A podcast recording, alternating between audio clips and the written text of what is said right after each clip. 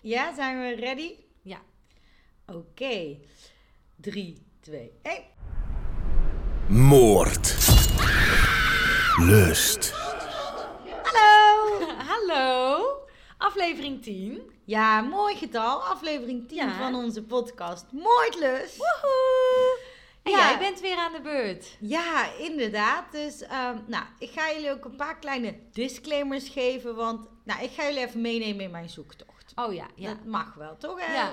Laten we eens beginnen trouwens dat we natuurlijk eigenlijk al de vorige, niet de vorige, vorige, twee afleveringen Ja. terug, heb ik jou drie landen gegeven. Ja, en Anne gaf mij zulke makkelijke, Ja. dichtbevolkte landen. Zoals Groenland. Of, eh, nee, ik had de keuze uit Nicaragua, Groenland en Peru. Ja.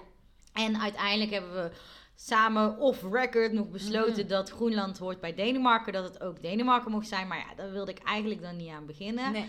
En eh, nou ja, Groenland vond ik heel lastig. En daar had ik alleen iets gevonden, maar dat ging ook over kindermoord en zo. En daar had ik Ah, gewoon niet zoveel nee, zin in. nee. En eh, dus toen had ik er ook een bij. Dat ik dacht, jackpot ging ook allemaal Nee. over kinderen. Dus dacht ik, nou, shit. Oké, Nicaragua kon ik ook niks over vinden. En Oh. ik dacht, wat moeten we nu doen? Want we zitten ook met het lustgedeelte en zo. Mhm.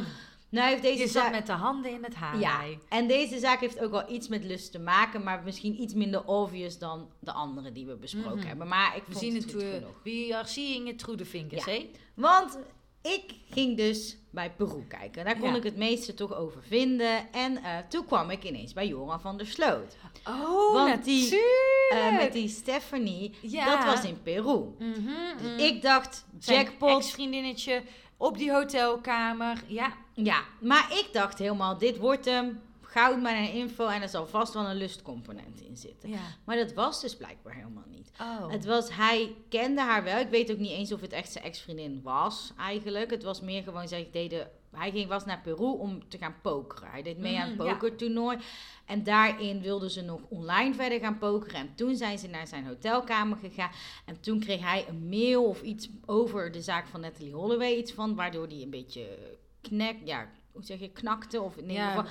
En toen- ineens. ja, en toen zegt hij dat zij hem geslagen heeft. En toen heeft hij teruggeslagen en toen was ze dood en is hij gevlucht. Oh ja. Zoiets is zijn verklaring. Maar goed, dus ik kon er Mhm. niet echt heel veel lust uit gaan halen. Nee. Ik dacht, ja, ik kan wel verzinnen. Misschien was het een ex-vriendin, misschien heeft hij wel wat gedaan. Maar ja, Ja, maar het was niet een Nee, krachtige lustcomponent. nee. Dus dat was helaas niet de Ja. zaak geworden. Al uren aan het zoeken geweest. Ja, nou, ik moet eigenlijk zeggen dat ik niet eens wist dat er eigenlijk zo'n rare reden of zo. Nou is er nooit een goede reden, maar dit was, ja, ik werd geslagen en ik sloeg terug. En, Ja, oh, bij Joran bedoel Ja. je? Ja. Dus Ja. ik had op meer gehoopt. En ik dacht, leuk, Nederlands tintje, maar ja. is het niet Nou, geworden. Maar we is gaan- het dan wel? We gaan wel naar Peru. Ja. Moord. De ehm, bijnaam heet The Apostle of Death. Oh. Ja, en apostel wordt in de christelijke Mhm. traditie gebruikt voor iemand die door Jezus is uitgezonden om het evangelie te verspreiden. Ja, en uh. Ja, nou, ik vond, eh, ik, toen ik het op had gezocht, wist ik wat het was, maar ik kon er eerst niet opkomen. Maar goed. We gaan het ehm, hebben over Pedro Pablo Nakada Luduena. Wow. En onze Pedro werd geboren op 28 februari 1973. En ehm, hij is Peruaans dus. Mhm. En ehm, nou ja, hij werd geboren in een heel groot gezin. Hij Oh ja. was echt met negen kinderen waren ze thuis en hij Oh. was de derde daarvan, zeg maar. Oh ja. En ehm, nou ja, zijn vader en moeder waren getrouwd, maar zijn vader was wel heel erg duidelijk eh, abusive of gewelddadig Mhm. tegen die moeder toe. Of het Mhm. ook echt naar die kinderen was, is niet helemaal Maar hij zag duidelijk. het wel. Dat is eigenlijk ook wel natuurlijk een soort Ja. mishandeling naar de kinderen. En er zat heel veel, ehm, er zat ook heel veel psychische eh, ja, stoornissen in de familie, zeg maar. Dus Mhm. eh, schizofrenie, bipolariteit, klinische depressie. Oh, en zijn ja. vader was ook nog alcoholist. Mhm. Dus nou ja, van alles zat Ja. daar in die familie wat niet helemaal goed. Nee. Misschien ook niet heel handig dat het dan zo'n groot gezin uiteindelijk was. Maar goed, dat, dat, dat, Ja. dat terzijde. Maar goed, dat ehm, kwam dus veel voor. En hij was dus ja, de derde van de negen. Mhm. En hij had ook allemaal zussen en die verkleden hem dan ook als meisje. En dan namen ze mee naar buiten, maar dan deed iedereen hem uitlachen, want hij was Ah. natuurlijk geen meisje.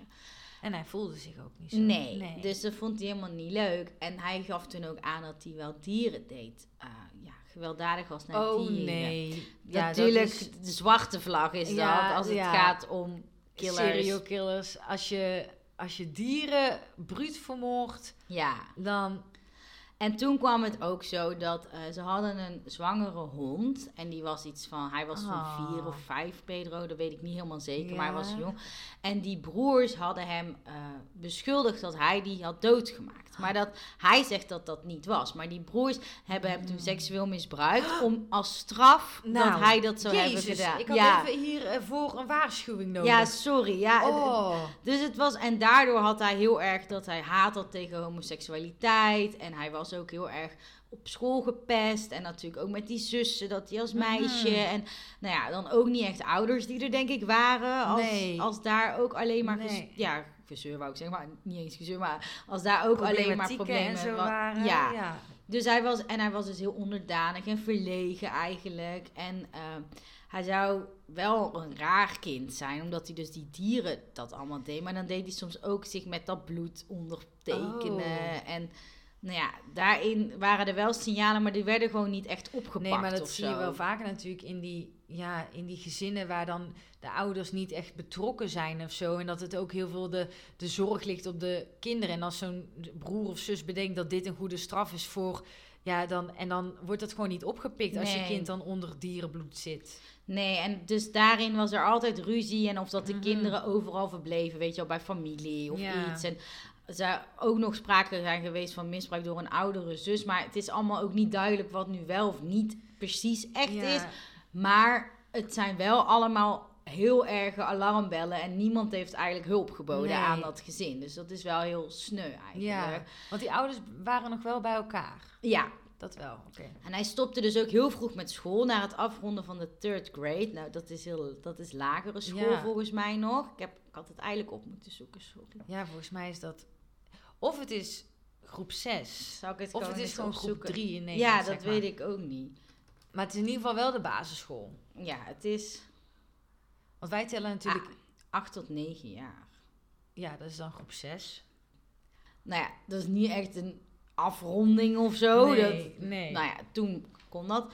Maar hij was best een goede... ehm, Ja, want dit was trouwens dan ook in eh, de begin jaren 80 natuurlijk. Ja, en hij Toch? was dus Ja. best een goede eh, mechanic. Dus hij was best wel handig. En Oh, ja. dat, dat, dat wel. Dus dat was wel fijn. Want ook al ging hij daar nooit voor naar school, was hij daar toch wel heel erg goed in aangelegd. Dus dat was handig. Mhm. Hij was dus ook vrijwilliger in het leger in 1990. Was hij 17 ongeveer. En ehm, toen kwamen er wel wat rare dingen naar boven. Want hij wilde hierin eigenlijk extreme macht om de enemies uit te roeren, roeien. Of Oh, om ja. daarin... Ja, ja, en dat uiten die dan naar ja, mede eh, Ja. collega's daar. En zo. dat zijn, waren dan ook vooral de vijanden van God. Oh ja. Die ja. waren die uitgeroeid moesten worden. Dus eigenlijk was het maar van korte duur, want hij heeft daar maar een paar maanden in het leger gezeten. Omdat toen een eh, militaire psychiater dat had hem onderzocht en die dacht, ja, Dit is niet goed. dit is niet Dit goed. moeten we niet hebben Nee, natuurlijk. en dat is ook super gevaarlijk om zo iemand met wapens rond te laten lopen natuurlijk. Ja, ja, ja. Dus, eh, want hij had dus gehoord dat, eh soort gewoon geruchten binnen het leger hoort, dat Pedro de stem van God zou hebben gehoord. Oh ja, dat is... Ja, en dan misschien met die schizofrenie ook in zijn voorgeschiedenis. Ja. Dat weet zo iemand En uit het alle zondena zondenaren zouden ook dood moeten. zeg Ja. Dus dat was natuurlijk eh, ja, heel heftig. En uit het Mhm. onderzoek bleek ook dat hij ook psychopathische trekken had. Mhm. En toen zeiden ze van ja, hem blootstellen aan wapens zou heel gevaarlijk kunnen zijn. En dat gaan Nee. we gewoon, dat moeten we niet Nee. doen. Dus dat was niet echt lange duur. Maar goed, Wordt zoiets dan trouwens ook verteld tegen Pedro zelf dat dit de redenen zijn dat hij niet. Of is het dan. Nou, hij eh, was daar wel heel erg van ontdaan. Ja. Dat een van die neven zelfs aangaf. Oh, sorry, ik ben echt alle kanten. dat een van zijn neven ook aangaf dat hij eigenlijk zichzelf had proberen dood te maken na dat ontslag. Ja, Omdat hij denkt zich dan zo. Ja, hij dacht, ik hoor hier. Of hij voelt zich helemaal falende natuurlijk. Want dit was zijn roeping van God. Ja, en het duurde dan ook bijna een jaar voordat hij echt hersteld Oh, hiervan zo. was. Zeg maar gewoon Ja, psychologisch denk ik ook dat hij daarmee om kon gaan. ja. En eigenlijk zeggen ze dat hij daarna al best snel een eerste slachtoffer zou hebben gemaakt. Mhm. Maar er is nooit echt bevestiging geweest of dit echt is gebeurd Mm. of wie dat ook zou zijn. Maar een eerste slachtoffer. Dus dat impliceert dat hij er meerdere Ja. heeft. Want dit slachtoffer zou, ehm, het zou zo zijn geweest dat hij een eh, boer, hij zou watermeloenen gingen stelen. Oh, ja, Heb ik ook altijd. die, die neiging dat ik denk, oh goh, ik heb toch zo'n zin in om een water Ja, te stelen. Maar ja. het slachtoffer zou dus een boer zijn die hem had betrapt tijdens het stelen van die watermeloenen. Ja. En hij ehm, bekende dat hij dat had gedaan, Pedro. Maar er was helemaal geen bewijs dat hij dat ook echt had gedaan. En er was ook geen lichaam. En vaak Oh. waren die boeren Oh, hij ook... bekende dat hij diegene had vermoord. Nee, ik dacht even, Ja. hij bekende dat hij die watermoeder had Nee, gestolen. nee, ja, ook dat waarschijnlijk. Ja. Maar dat dat gebeurd was. Maar er was geen lichaam. Er is niemand als vermist opgegeven. Maar heel vaak werken die, die boeren daar in Peru ook illegaal, zeg maar. Dus die hadden dan helemaal geen Mm. verblijfsvergunning. Dus die kon je dan ook niet als vermist opgeven. Nee, Dus nee. we weten niet of het nu echt of niet echt is gebeurd. Oké, Oké, we maken even een sprongetje. ja. In 2003 had Pedro zoiets. Ik wil graag een burger van het land Japan worden. Aha, Een ja. Japanse staatsburger. Blijkbaar is dat iets wat best wel veel mensen in Peru willen. Oh, Wist ik niet. nee. Want het komt dus vaker voor dat ze dan geadopteerd worden door een Japans iemand. En dat ze daardoor ehm, kunnen ze naar Oh, Japan. Maar dan hoeven ze ook. Ja. maar dan hoeven ze dus ook niet meer te boeten voor hun misdaden die ze in Peru gepleegd hebben. Want er Oh, zal wel geen dat ze- dingen. Oh, er is geen overeenkomst tussen Japan en Peru. Waarschijnlijk. Ja. Dus hij ehm, had daar in 2003 ook wel behoefte aan. Ja. Dus hij betaalde een Japanse man 800 Peruaanse sols. ja. En ik heb net omgerekend, het is 166 euro. Nog Oh. wat, dus het is niet heel erg veel. Maar Ja, misschien, misschien, toen ja, wel. je weet niet, misschien was dat... eh, Ja, en eh, omdat hij dan zo een Japanse burger kon worden. En Ja. eh, dat was dus omdat hij dus ook al wat misdaden aan het plegen was. En dat hij dacht, ha, ik moet mezelf even beetje indekken. Andere criminaliteit dan moorden. Ja. Ook gewoon wat watermeloenen stelen, limoenen pakken, Daarom. sinaasappels gooien. appels van ja. de boom, je weet het niet. Maar, ehm, nou ja, dat gebeurde. En die Japanse man, die adopteerde hem ook. Vandaar dat hij ook de naam Nakada heeft. Want Oh. dat was van de Japanse man. Oh, ja. En, eh, maar hij ging dus helemaal niet naar Japan. Dus dat Oh. was heel vreemd. Want normaal ga je dan naar Japan toe. Ja. Maar hij bleef in Peru. Ja, en de adoptie was dus eigenlijk wel geslaagd, want hij had ook die naam Ja. gekregen. Want eigenlijk heet hij Messias of zoiets. Mhm. En De Ja. Messias, dat is van God natuurlijk. De Messiah is de, degene die naar de wereld is gekomen om Ah. te... Dus dat, nou ja, dat was wel gelijk naam, dat hij... ja.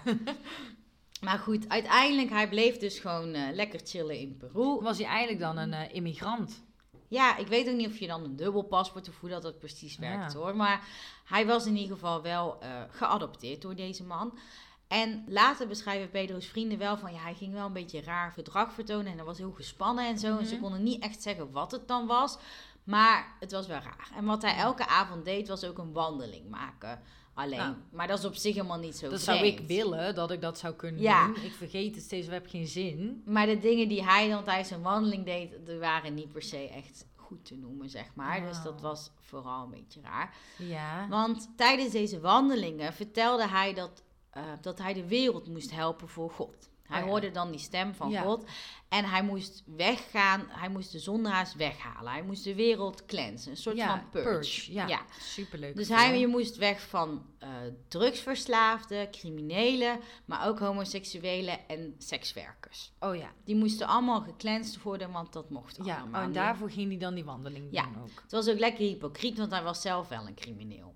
Maar hij moest Ja. wel alle criminelen doodmaken. Oh ja, nee, maar zo voelde hij dat natuurlijk niet. Hij doet het woord van God. Ja, dat is dus- niet crimineel. Nee, nou, dat blijkt. Ja. dat was sarcasme trouwens. ja, nee. Maar oké, nou ja, er was dus... Uiteindelijk eh, hebben we, zijn we nu in 2005, want wat hij dus eigenlijk precies in die jaren heeft gedaan, of dat, want dat weten we niet precies ook. Maar Mhm. In- Ja, want dat cleansen zou je kunnen denken natuurlijk dat hij dan mensen vermoordt. Maar er is niet toen een hele soort van killing spree geweest... dat ze alleen maar lijken elke Nee. avond vonden of zo.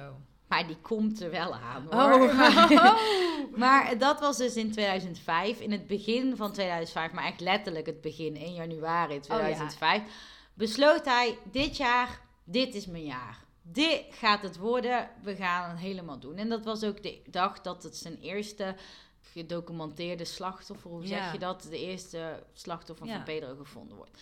Ja, en hier wordt het dus lachen met mijn Spaans, want er komen dus allemaal namen en ik doe echt mijn best, maar alle namen, mensen hebben ook drie, vier namen Ja. of zo, dat is dan... Je mag het voor mij ook per voornaam houden, maar... Ja, en sommigen hebben volgens mij ook weer dezelfde voornaam. Oh, maar het maakt niet zoveel uit, we gaan het gewoon proberen. Ja.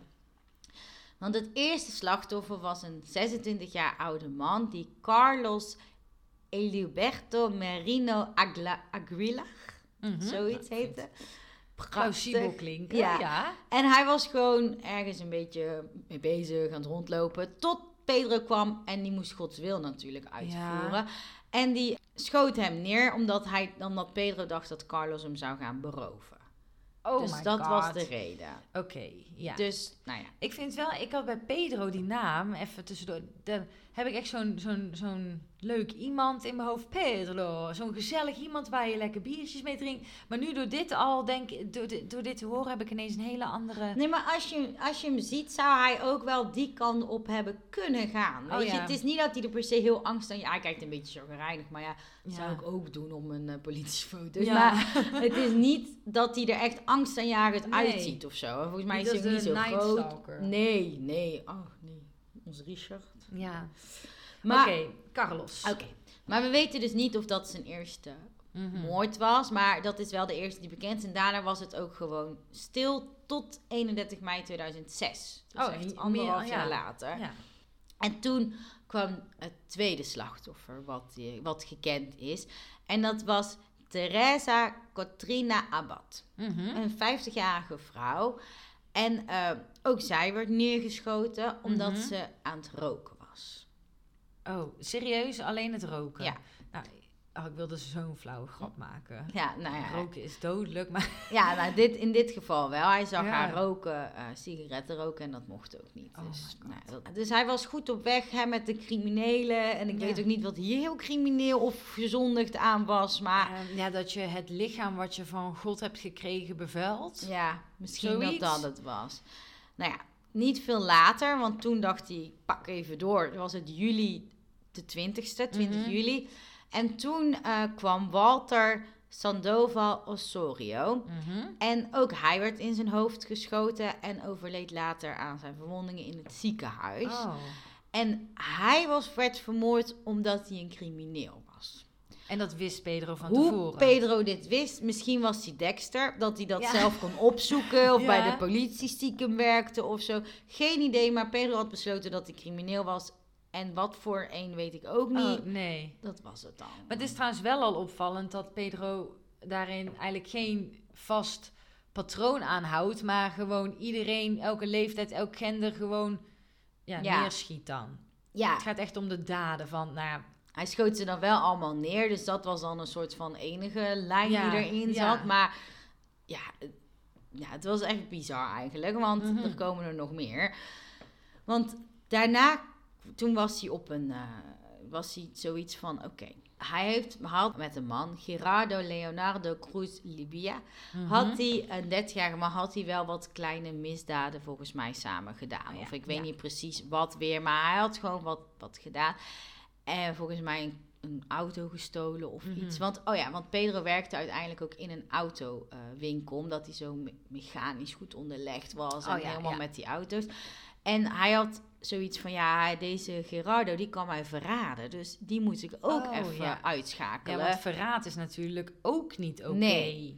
En nou ja, op welke dag die toen precies vermoord is, is niet echt bekend. Maar het lichaam werd op 8 augustus gevonden. Op de bodem van een soort waterput. Of Oh ja. van een water. En eh, nou ja, Pedro had hem dus in zijn hoofd geschoten. En hem ook weer in dat water gegooid. Ja. Maar dus ik dacht, oké, het is allemaal zonde. Maar het is natuurlijk ook, het is ook om zichzelf dus helemaal clean te krijgen. Ja. Want deze man kon hem dus verraden. Ja. En dan was het makkelijk om daar... eh, Ja, dit is natuurlijk als je in de gedachtegang van uit Gods wil of wie dan ook zijn wil dingen doet, dan kan je uiteindelijk alles zo omdraaien. Weet je, want uiteindelijk zal Pedro tegen zichzelf hebben gezegd: Ja, maar ik heb hem eigenlijk al be- ja, beschermd dat hij een zondenaar wordt, want hij ging mij verraden, maar ik heb het daarvoor Ja. al gedaan. Dus dankzij mij is hij nog wel naar de hemel.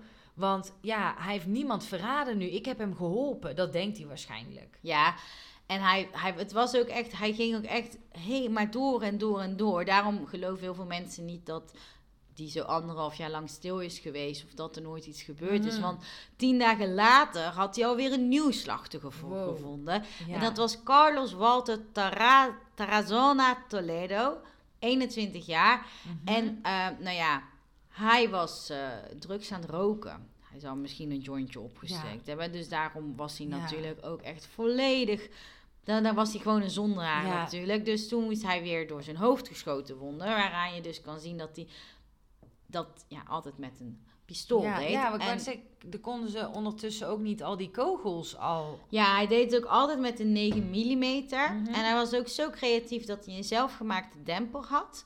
En die demper had hij ook gemaakt van rubberen huisslipperzolen. Oh. Dus lekker creatief, weet je, huistuin Ja, en keukendingen. Ja, wij raden ook altijd dingen aan. Hè. Pak lekker soms een keertje Ja. een huistuin en keukendingen. We maken er iets creatiefs van. Nou, Mhm. Dit was zijn creatieve uitspatting hierin. ja. En hij werd dus ook omdat hij drugs rookte dan vermoord, maar ook omdat hij crimineel zou zijn. En Oh ja, dit- achteraf bleek dus wel uit politierapporten dat het ook een crimineel was. Maar hoe dat Pedro dat kon weten, wat ik zei, dat is meer een soort Dexter iets, maar Ja, dat is niet hetgene nee. waarvan je denkt, nou dat weet je. Nee, en even tussendoor, Dexter is, voor degenen die het niet hebben gezien natuurlijk, een serie over een serial killer. Nou ja, we gaan het niet anders, heel leuk in ieder geval, maar hij vermoordt criminelen die hij eerst onderzoekt. Ja, precies. Maar ja, toen kwam er nu wel iets ehm, zieligs, want een dag nadat Carlos gevonden werd, dus dat was dus Mhm. ja, was niet heel veel later. Was 19 augustus dus. Toen was er weer een slachtoffer. Jezus. Maar dit keer was het Maria Veronica Tolentino Pajuelo. Ah, zij is heel jong. Ja, zij is 15 jaar. Ah. Maar zij was vermoord omdat hij een fiets nodig had. Oh my god. Hij was ehm, op zoek naar een vervoersmiddel. En zij was lol aan het maken ergens in Santa Rosa. Een soort van Mhm. boulevard. Of Ja, gewoon ja, ja. Wat, wat je als 15-jarige buiten op straat doet. En ze had een fiets. En hij, hij vermoordde haar dus enkel omdat hij een fiets nodig had. Ik weet ook niet, kon hij geen auto rijden of iets? Want hij was dus wel in een autowinkel, werkte die wel. Ja. En hij- maar goed, hij moest een fiets hebben. Ik dacht misschien dat het moeilijker te traceren is of zo. Ja. En toen bleek dus ook nog dat de band van die fiets stuk was. Dus hij had uiteindelijk helemaal niks Oh aan die fiets.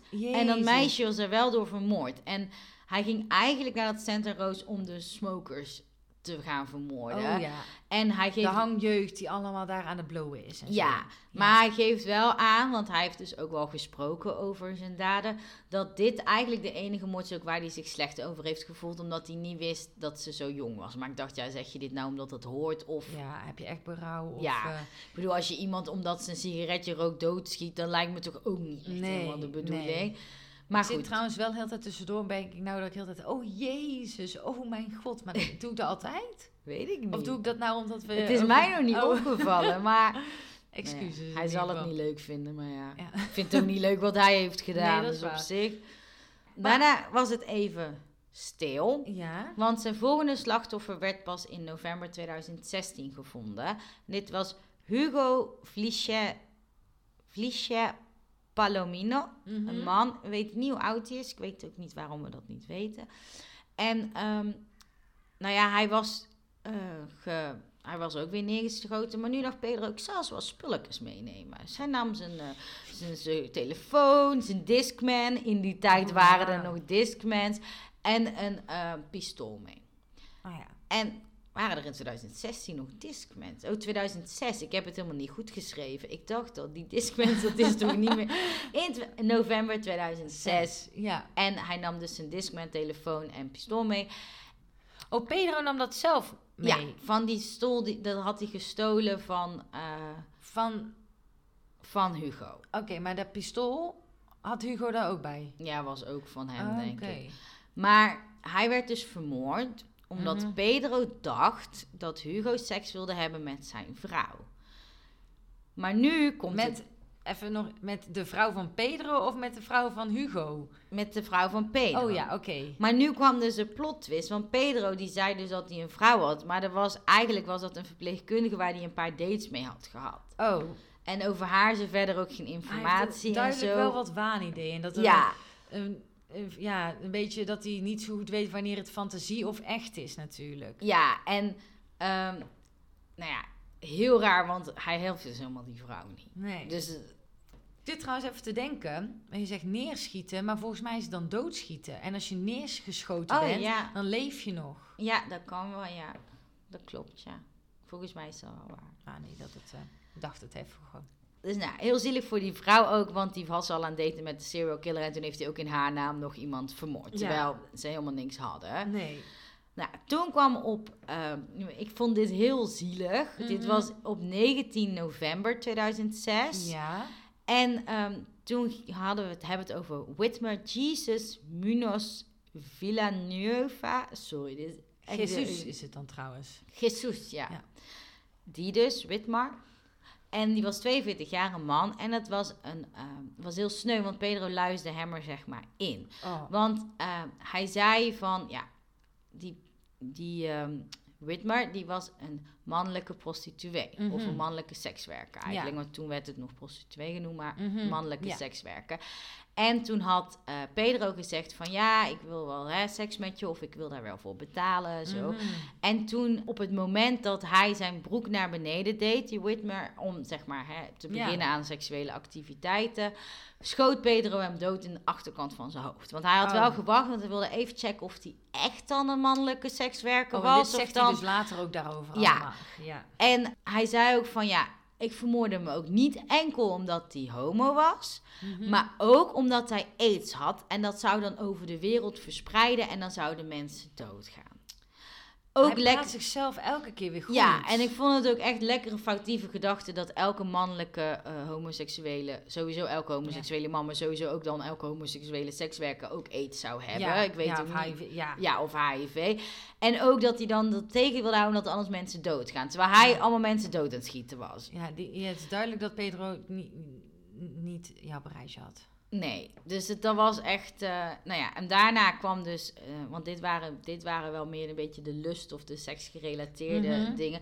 Want in november was er nog vier dagen later kwam, kwam die met eh, een trippelmoord. Dacht hij, weet je, doe ik ook even. Mhm. Het was de 26 november. En Louis Wow. Enrique Morin Cervantes... Mhm. Pedro Omar Carrera Carrera Hmm. en Nash Elicio Felix Zorilla waren met z'n drieën.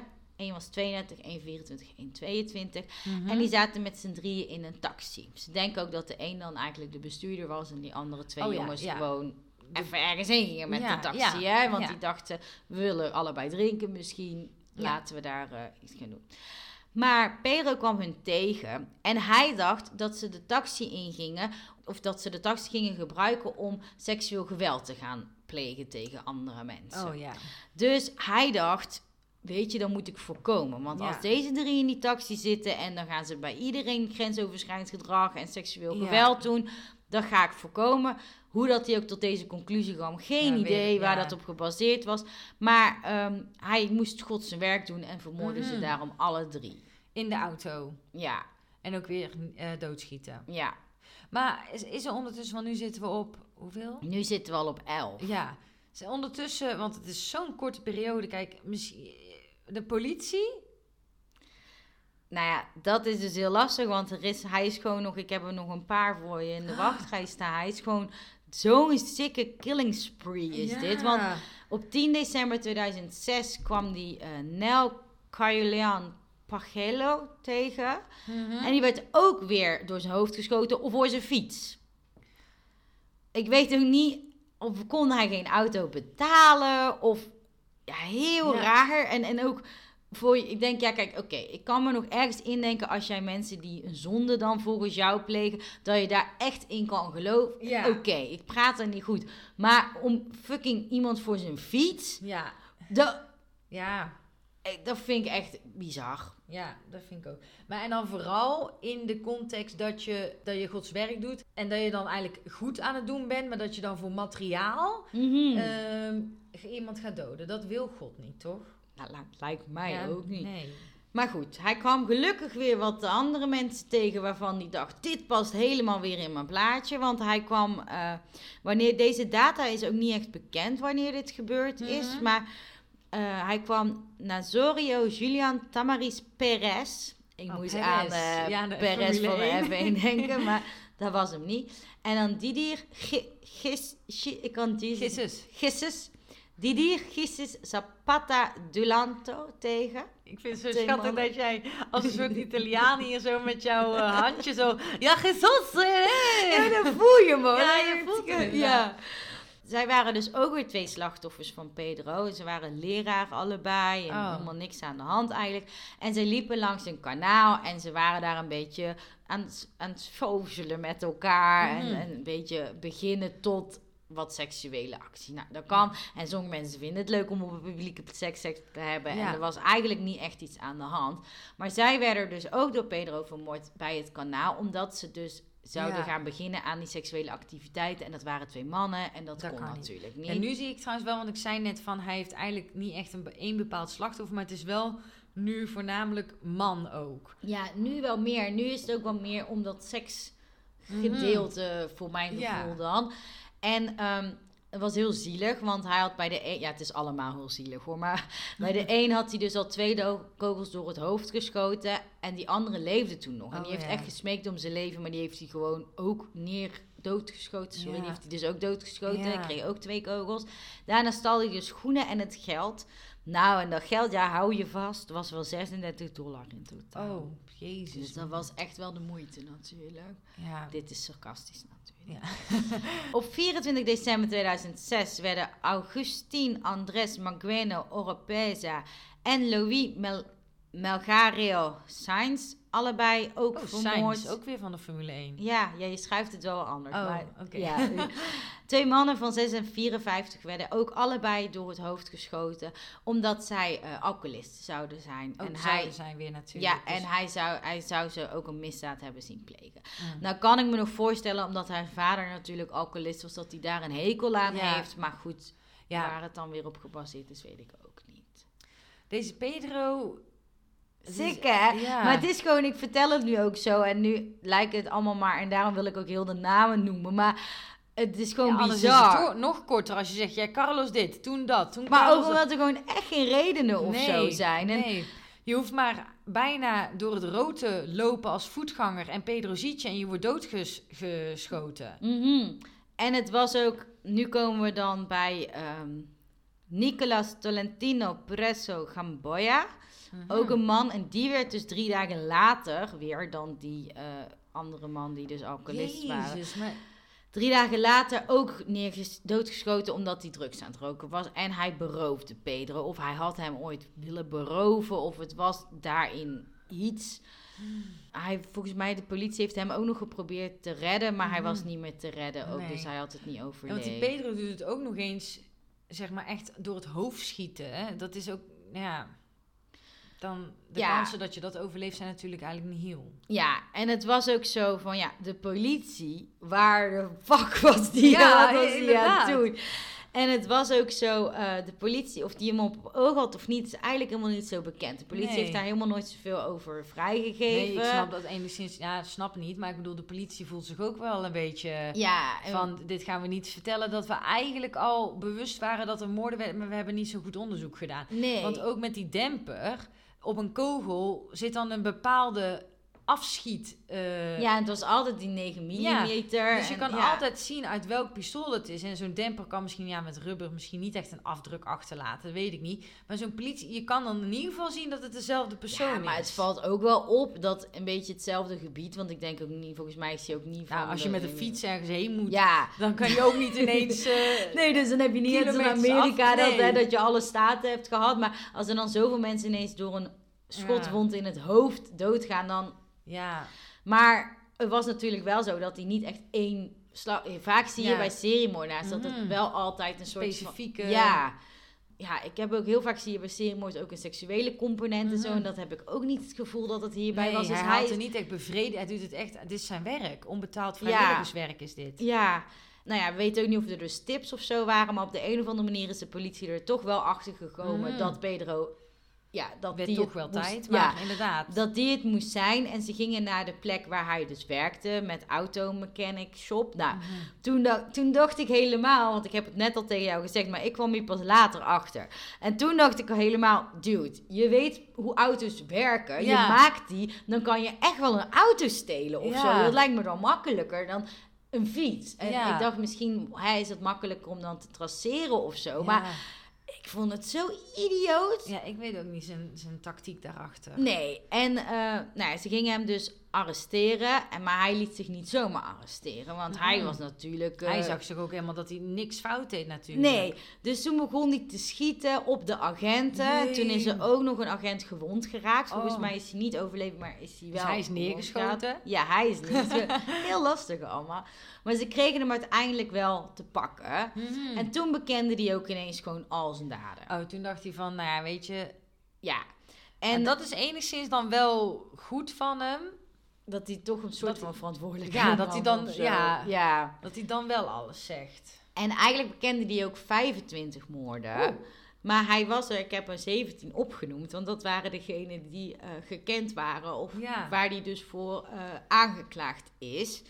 Waarom precies is niet helemaal duidelijk, maar waarschijnlijk omdat de andere geen lichaam bijvoorbeeld gevonden is Ja. of te weinig bewijs. En volgens mij het ook als er geen lichaam is, dan kan je het vaak niet als moord doen, Ja. omdat je niet weet ja, dat er geen lichaam is. ja. En Bijvoorbeeld bij de watermeloenboer. ja, bijvoorbeeld. En hij eh, pleitte ook dat hij dan voor krankzinnigheid of dat hij dan, weet je wel, ontoerekeningsvatbaar was en zo. Dat was hij ook, denk ik. Maar eh, daar hebben ze eh, niet. Maar misschien dat ze in Peru daar minder naar luisteren. Maar het was ook anders wel heel raar als hij daar dan mee weg was En- gekomen, natuurlijk. Dit was in 2006 dan nog. Ja. Oh ja. Wil je weten hoeveel die gekregen heeft? Ja, ik denk dat in Peru, net als in Amerika, dat je 30.000 keer... eh, lekker Brabants dit. Mhm. 30.000 keer... eh, maar dat je meerdere malen levenslang kan krijgen. Dus, eh, of de dood... Nee, de doodstraf trouwens in 2006 niet. Ik gok dat hij, nou, laat zeggen, ehm 11 keer levenslang heeft gekregen. Ik vind het heel grappig dat je dit zegt, want ik dacht dit ook. Van Ja. Peru, dat zou ook wel zo kunnen. Oh. Hij heeft dus 35 jaar gekregen, Oh. omdat dat de maximale straf is in Peru. Oh, Gek hè? ja, Want daar had ik helemaal niet over nagedacht. Nee, want ik had er ook bij geschreven. Hè, want, want ik heb het ook, dat stond eigenlijk in het begin, maar ik dacht, ik ga het nog niet vertellen. Nee. En ik had toen ook van ja, dat lijkt me nog wel weinig, maar oké, het zal wel aan mij liggen. Ja. En toen kwam ik er dus achter dat het de maximale straf is die opgelegd kon worden Ah. op dat moment. Ik weet niet, sorry jongens, Ja. ik heb niet uitgezocht dat het nu in Peru is. Hoe maar, zit het, eh, ja, Ja. het rechtssysteem in Peru? eh? Dus dat. Eigenlijk probeerde hij dus de eerste dag al zelf te plegen door zijn hoofd heel hard te rammen tegen de muur. Maar ja, dat lukte niet. En hij had nu ook geen doel meer. En hij kon Gods werk niet meer doen. En eh, Nou, eigenlijk, als je vanuit zijn beredenering, als je opgepakt bent en in een gevangenis zit met alleen maar criminelen, dan kan je daar helemaal losgaan. ja, Ik bedoel, ja, je weet daar zeker dat iemand een crimineel is. Of nou ja, ja. tenzij je onschuldig vastzit, maar... Ja, en hij was dus tot 2009 En- had hij ook, oh, stond hij ook onder Suicide Watch. Nou, Dus- ik wou zelfdoding, dat is, de, dat is ook een zonde Mhm. in het geloof. Dus dat is dan eigenlijk, eigenlijk zou ik dan, en wederom, dit is vanuit Pedro's zijn gedachte, maar als je je dan verplaatst in hem, hij doet levenslang werk voor God. Hij, hij heeft daarvoor gemoord, hij zit daar nu voor vast. en dan zou je dat eindigen met zelfdoding, waardoor je uiteindelijk zelf een zondenaar bent. ja. En niet zo gezegd dan in de hemel. Dat is, dat is, een, beetje, dat is een beetje dom. Ja, en nou ja, tot 2009 stond hij dus ook onder die speciale toezicht dat hij zichzelf dus niet zou Ja. vermoorden. En eh, hij is ook gediagnosticeerd met paranoïde schizofrenie. Ja, oh, ik zei, ja, je kan even, ik heb het ergens al Ja. gezegd, dat is schizofreen. En, maar hij is dus geen crimineel, maar een cleaner. Oh, ja. Dat, dat stelt hij. Ja, ik denk, wat bedoel jij nou weer? Maar goed. Nee, ja. En, eh, maar omdat hij er wel gesteld werd, want je, ik vraag, je vroeg je misschien over af. Ik denk, ik probeer jouw vragen van tevoren Ja, te bedenken. ja. Je vroeg misschien af, waarom is deze man niet krankzinnig verklaard? Ja, ja, ja. En dat is omdat er gesteld werd dat hij nog wel het verschil tussen goed en slecht zou weten. Dus vandaar dat ze dat Ja. niet mee in zee zijn gegaan. Ja. Op zich een punt, maar aan de andere kant, ja, je kan het, het goed en slecht ook kunnen, dat verschil kunnen weten en dan nog steeds schizofrenie hebben. Ik bedoel, Ja. het is niet dat je dan met een psychiatrische eh, stoornis of ziekte of aandoening, dat je dan ineens niet meer weet wat goed of slecht is. Nee. En nu heb ik dus nog een leuke sidetrack plot twist. Ja? Want ik heb nu vandaag ook een keer plot twist. Oh ja, ineens kwam zijn tweelingbroer. Nou, zijn jongere broertje, Oh! Veron Jonathan Nakada Ludwena, als je goed oplet, Ja. Nakada, betaalde dezelfde Japanse man Aha. ook om hem te adopteren. Ja. En dus een Japanse staatsburger te worden. Of een Mhm. Japans paspoort te krijgen of zo. Ja. Deze broer ging ook daadwerkelijk naar Japan. En wat Maar- had hij op zijn kerfstok dan? Hij ging ook op een killing spree. Hij vermoordde zes mensen. Oh, in Japan. Ja, een moeder en haar twee kinderen van echt 7 en 10 jaar, zoiets. Mm. En nog drie anderen. En nou ja, toen de politie kwam hem dus toen arresteren. Ja. En toen sneed hij zijn eigen keel en polsen door. Oh, en toen ging hij niet dood. Toen is hij nog uit het raam gesprongen. Dus een Oh. beetje... Er stond, ik ook bij gezegd, hashtag overkill. Oh, nee, Maar goed, Oh, daar kan ik, wil ik niet om lachen. dat was, eh, dat was zijn broer nog even. Oh my god. Dus het is bij die broer ook niet Het goed gegaan terwijl hij naar Japan is gegaan. niet helemaal En lekker. daarin zie je wel dat, dat, dat, Deels ook gewoon nature ja, is. En, en dat het heel nature. gevaarlijk is als er dus geen hulp geboden wordt. Mhm. Geen psychische of, of gewoon Ja. professionele hulp voor zulke gezinnen Ja. en individuen. En nou, ja, nu moeten we, moest ik net om lachen, maar het is natuurlijk absoluut niet grappig. En het is ook wel, wat, what are the odds? Mhm, dat die ene dus op een killing spree gaat en dat de ander dus ook zes mensen ja, was het in dezelfde tijd of was het... Weet ik niet precies. Oh. Ik kon daar niet zoveel over vinden Mhm. hoor. Er was meer een kleine site, iets wat dan verteld werd, net alsof het dan niks was. Maar volgens mij staat er daarin, ehm, ja, 2015 ook. Dus Oh, dat dus- is een beetje hetzelfde. Misschien dat... Ja. Nou, is tien jaar later eigenlijk bijna. oh, dus- sorry. Ja, 2000 ik zit heel de tijd met die data. Maakt niet uit. Nee, tien, ja. Maar dan heeft hij misschien met Pedro contact gehad en heeft hij die taak overgenomen. Ja, ik weet ook niet wie die slachtoffers precies Mm. waren en waarom zij dan dood zouden Nee. moeten. Maar Niemand moet dood, maar ja, in de ogen van Pedro en zijn broer, wel. ja. Oké, nou, de killing spree van Pedro. Hoe heette deze zaak ook alweer? Ja, dat was een moeilijke naam voor mij. Oh. The Apostle Oh, ja. of Death. oh ja, dat was het. Oh ja, want hij is natuurlijk... Ja, Ja. nou leuk. Ja, Of ja, wij zeggen dat ja, altijd. ja. ja. maar ik denk dat de mensen die luisteren snappen dat je een bepaalde soort van fascinatie en interesse over hebt, maar dat je het niet leuk vindt, dat je die mensen dan niet gunt. En Nee, en het was ook wat ik zeg, het stukje lust was wel iets minder aanwezig, Mhm. omdat het natuurlijk ook criminelen zijn, maar er zit natuurlijk wel dat stukje in. Maar Ja. ik vond hem vooral interessant, omdat we hebben best wel veel seriemoordenaars, niet per se hierin besproken, maar Nee. wel veel docus over gezien of Ja, samen over gesproken. ja. En dan is het vaak zo erg een seksuele component. Of dezelfde soort slachtoffers. sla- ja. en ik vond dat hierin wel heel opvallend. Dat, het zo. random ja, en, Mhm. dat die, en dat je uiteindelijk zo in dingen kan geloven. Ja. Dat dat zo gevaarlijk dan Ja. is. Dus dan dacht ik, ik vind het wel interessant om er eh, een keer Goeie. aandacht aan te besteden. Ja, ik zit trouwens nu nog te denken ook. Ik denk altijd 2005 van, oh, dat is gisteren. Maar dat is ook alweer 16 jaar Ja, geleden. ik voel me echt een oma dan, maar ja.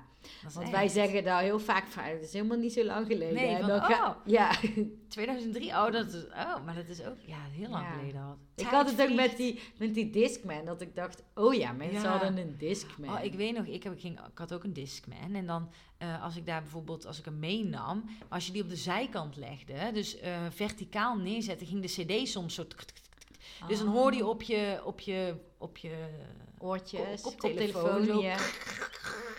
had ik allemaal, ja, Spice Girls, Britney Spears, Backstreet Boys en Sync. Zo. Bye, bye, bye, bye, bye.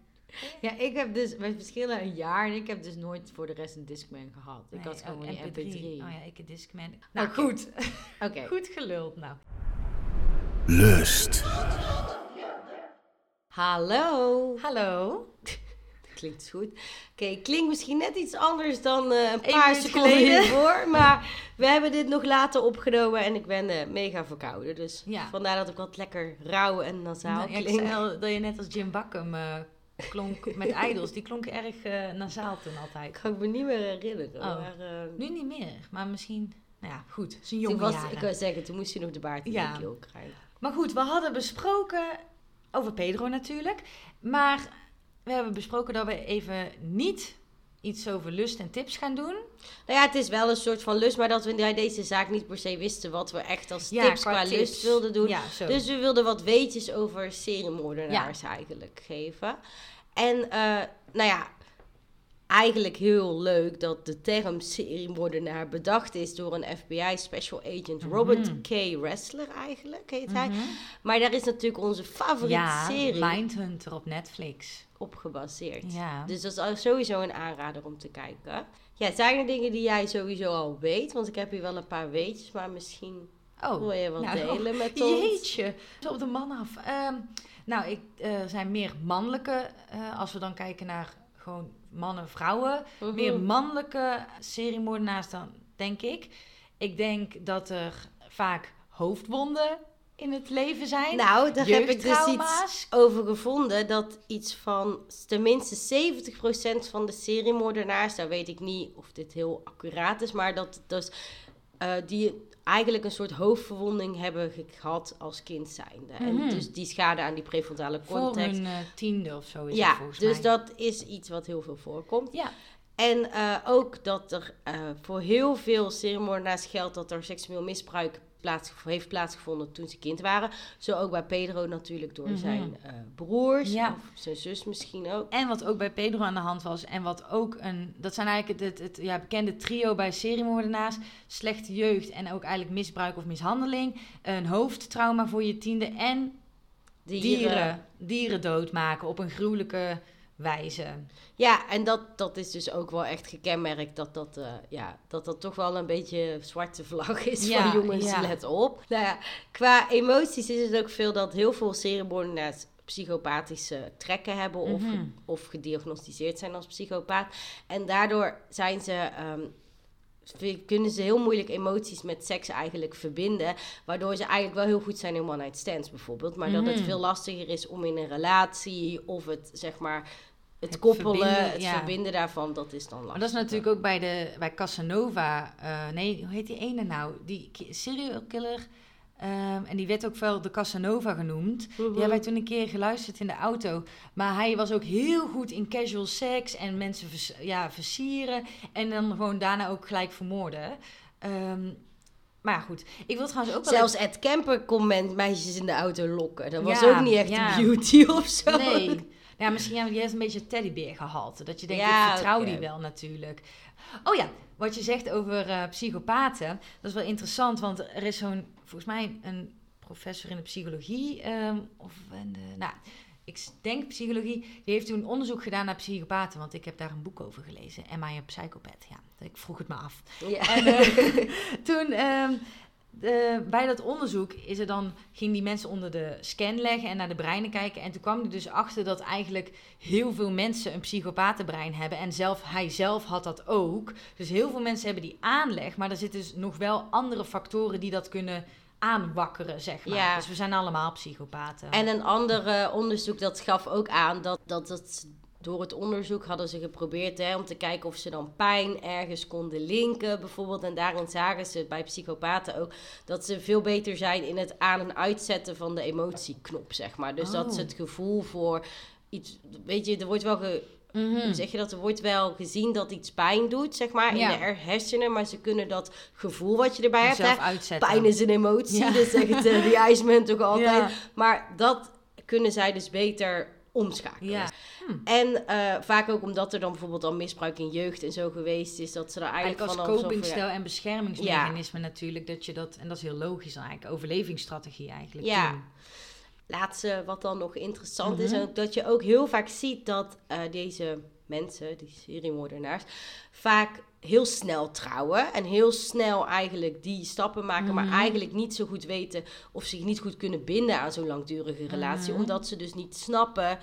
En daarom hoor je dus heel vaak dat ze meerdere keren zullen trouwen of Mm. verschillende dingen hebben. Ah ja. En daarnaast, afsluiting, zie je dus ook heel vaak dat je toch vrouwen hebt in de gevangenis. Net als zij, zo'n Ted Bundy, zo'n Mhm. knappe, charismatische man, die gewoon een psycho en een serial killer is. Mhm. Dat die allemaal naaktfoto's en brieven Ja, en Joran van der Sloot kreeg ook hartstikke veel. Ed Kemper kreeg, krijgen allemaal mega veel Ja. fans. En ehm, dat heeft dus ook een naam. Mhm. Dat heet hybristophilia. En dat be- Hybristofilia. hybristophilia. En dat is een sterke aantrekkingskracht op moordenaars. En het wordt ook wel het Bonnie en Clyde syndroom genoemd. Ja. ja, dat vind ik eigenlijk altijd wel grappig. Ik doe dat zelf, ben ik daar ook een beetje schuldig aan. Maar dat, dat je soms zegt, oh, we zijn Bonnie en Clyde. En daarbij wil je zeggen, oh, we, hebben zo, we zijn zo'n goed team of we zijn verbonden. Maar eigenlijk, Bonnie en Clyde hebben echt mega veel mensen vermoord, banken. Ja. Echt heel Zelf veel word je dan ook eh, door een vuurkogel. Ja, zo die auto wel eens gezien. Ja. Ja. Ik wilde ook nog zeggen dat, maar ik weet niet of hier data naar is, maar het is meer denk ik logisch nadenken dat er meer serial killers, killers zijn in grote landen dan dat er bijvoorbeeld in Luxemburg of Groenland zijn. Ja, maar Of het is eigenlijk ook wel logisch. Ja, maar dat is ook een Want- feitje. Ja, want ze zeggen dat 1% van de bevolking dus die eh, psychopathische trekken dan ook echt waarschijnlijk meer tot uiting zou doen. Ja. Maar ja, 1% van een land wat heel dun bevolkt is, is toch wel minder dan Mhm. 1% van alle mensen in Amerika en alle staten Ja. wonen natuurlijk. ja, precies. En je kan daar toch, ook al is het technologie, je kan daar iets makkelijker aan het werk als serial killer, dat, dat, als dat je werk is. Ja. Ik heb trouwens nog wel één iets, want je hebt natuurlijk vanaf wanneer ben je een serial killer? Dat is vanaf drie doden Mhm. volgens mij. En je hebt ook killing spree, dat is als je in een korte periode heel veel moord, nou een soort Pedro Pedro-achtige gedaan. maar een serial killer is ook dat je in een bepaald bestek blijft killen natuurlijk. Dat zegt het woord zelf al. Maar het is wel vanaf drie. Klopt. En daarna inderdaad. heb je gewoon dat je moordenaar...